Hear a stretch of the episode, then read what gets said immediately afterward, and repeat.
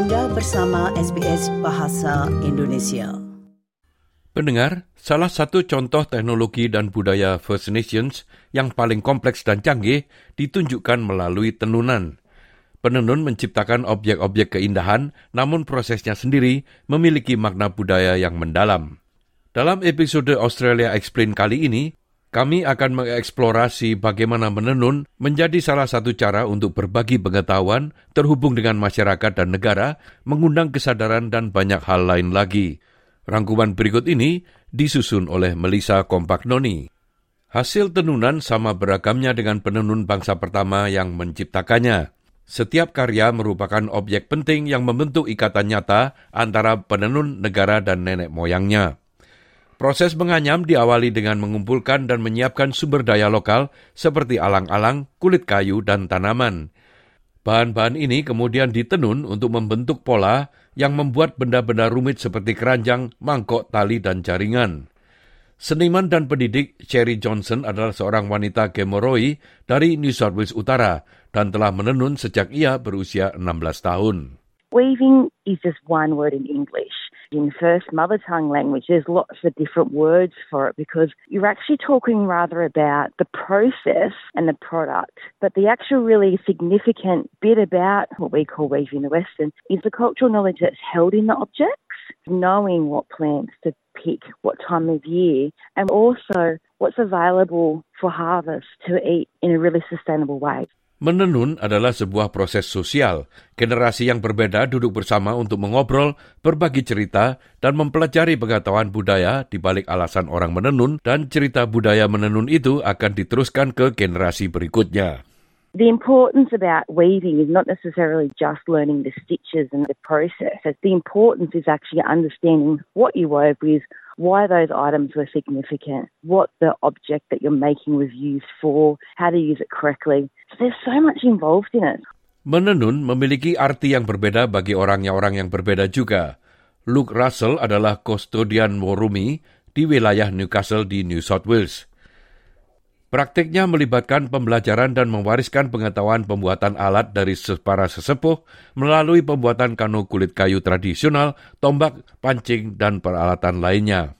For me, weaving and predominantly rope weaving plays a big part, especially with all of um, men's tools.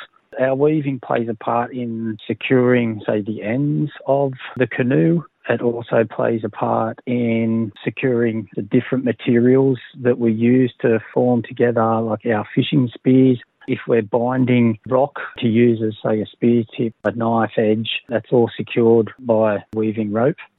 Bertentangan dengan beberapa stereotip, laki-laki juga terlibat dalam menenun. Menurut Russell, anak laki-laki secara tradisional belajar keterampilan menenun bersama anak-anak perempuan dimulai dari masa kanak-kanak hingga remaja di bawah bimbingan hierarki matriarkal. we had distinct roles, but that's not to say that everything was exclusively men's or exclusively women's. So for a young man, especially who was getting taught to progress from what we'd say a boy to a man, is when he would have to utilize all those skills and all the skills that he would have learnt up until that point were taught by women. Seorang artis, Nepi Denham, adalah pemilik tradisional kiramai dari daerah Cardwell di Queensland Utara. Ia memiliki praktik seni tetapi juga menenun di rumah untuk kesenangan sederhana, yaitu duduk dengan tenang dan fokus pada karya-karyanya. I've learned from my uncle. He's taken the time to show me how to make the uh, traditional lawyer cane baskets that we use up here in North Queensland. And it was from there that I've learned how to go out collecting, how to strip it into finer pieces and also setting them out in the four different sizes in order to start constructing the basket weaving. Menenun serupa dengan meditasi yang mendalam. Ini adalah salah satu cara untuk menggambarkan pikiran Anda secara visual. Perhatian yang sejati datang dari melakukan sesuatu dengan niat dan mencurahkan pikiran Anda ke dalamnya. Demikian menurut Cherry Johnson. That's how our community would process things. We would process them together as a collaborative. in love and in a really respectful way as a family. And that's what weaving does. It brings people together to sit to yarn. Sometimes in our weaving circles, people just come to drink tea, to be around other sisters. Sumber daya tanaman seperti rumput dan kulit kayu berbeda-beda di setiap negara. Oleh karena itu, gaya menenun juga berbeda-beda. Namun para penenun sendiri juga menghadirkan bakat dan gaya khas mereka pada objek mereka. Dan mereka menggunakan pigmen yang berbeda pula. Here in Australia, we collect pigment from country, as in flowers, bark, sap, roots, all sorts of things. So different areas, you would collect different pigment. An artist purposefully using the pigment to colour the woven fibre is really significant for that person and for that area. So typically, somebody with a trained eye can pick the region and sometimes even the artist based on the pigment, the style, and the stitch and the materials. Konstruksi suatu benda anyaman dapat memberikan wawasan mengenai sifat dan keterampilan penenunnya. Kadang-kadang Anda bahkan dapat mengidentifikasi senimannya dengan melihat dasar tenunannya, Demikian dikatakan oleh Nevi Denham. Many of our artists, including myself, we start off differently. That's how you can tell from the space of it and how we started, whether it's a left or a right hand weaving. So you can really tell who's made what. And you can really see whether they've taken the time to strip the cane more finer or they've just gone into rushing the process of making the basket.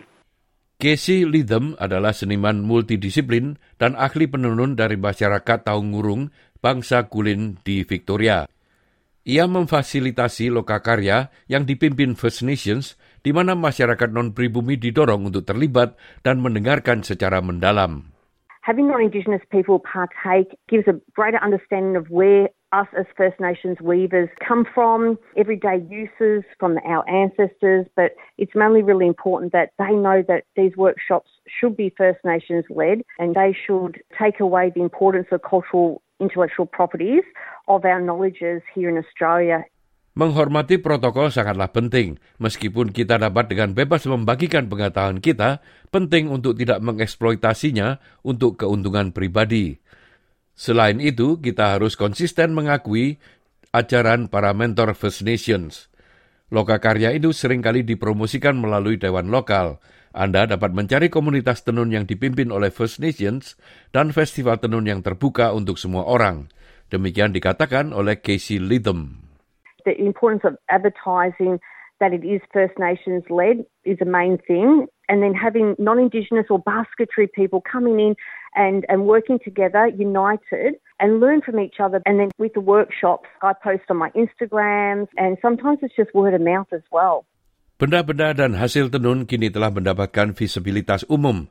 Ada pameran dan penjualan yang muncul di galeri besar dan kecil di seluruh Australia. Mereka dibuka untuk ruang pribadi dan juga untuk publik, dan bahkan dipamerkan di peragaan busana. Penting bagi galeri untuk menampilkan keragaman budaya dan lingkungan dari First Nation. The mainstream with weaving is actually a visual insight into the past, which is now the present, and all of us weavers are continuing for our future generations. So when people go into galleries, people do need to realise too that our weaving is Australia wide, and everyone has a cultural significant story with the weaving or fibres of plants. It's not all the same. Demikianlah tadi sebuah episode dari Australia Explain yang menjelaskan arti dari tenunan bangsa First Nation. Rangkuman ini disusun oleh Melissa Kompaknoni dan disampaikan oleh Ricky Kusumo. Sukai, berbagi, komentar. Ikuti SBS program Bahasa Indonesia di Facebook.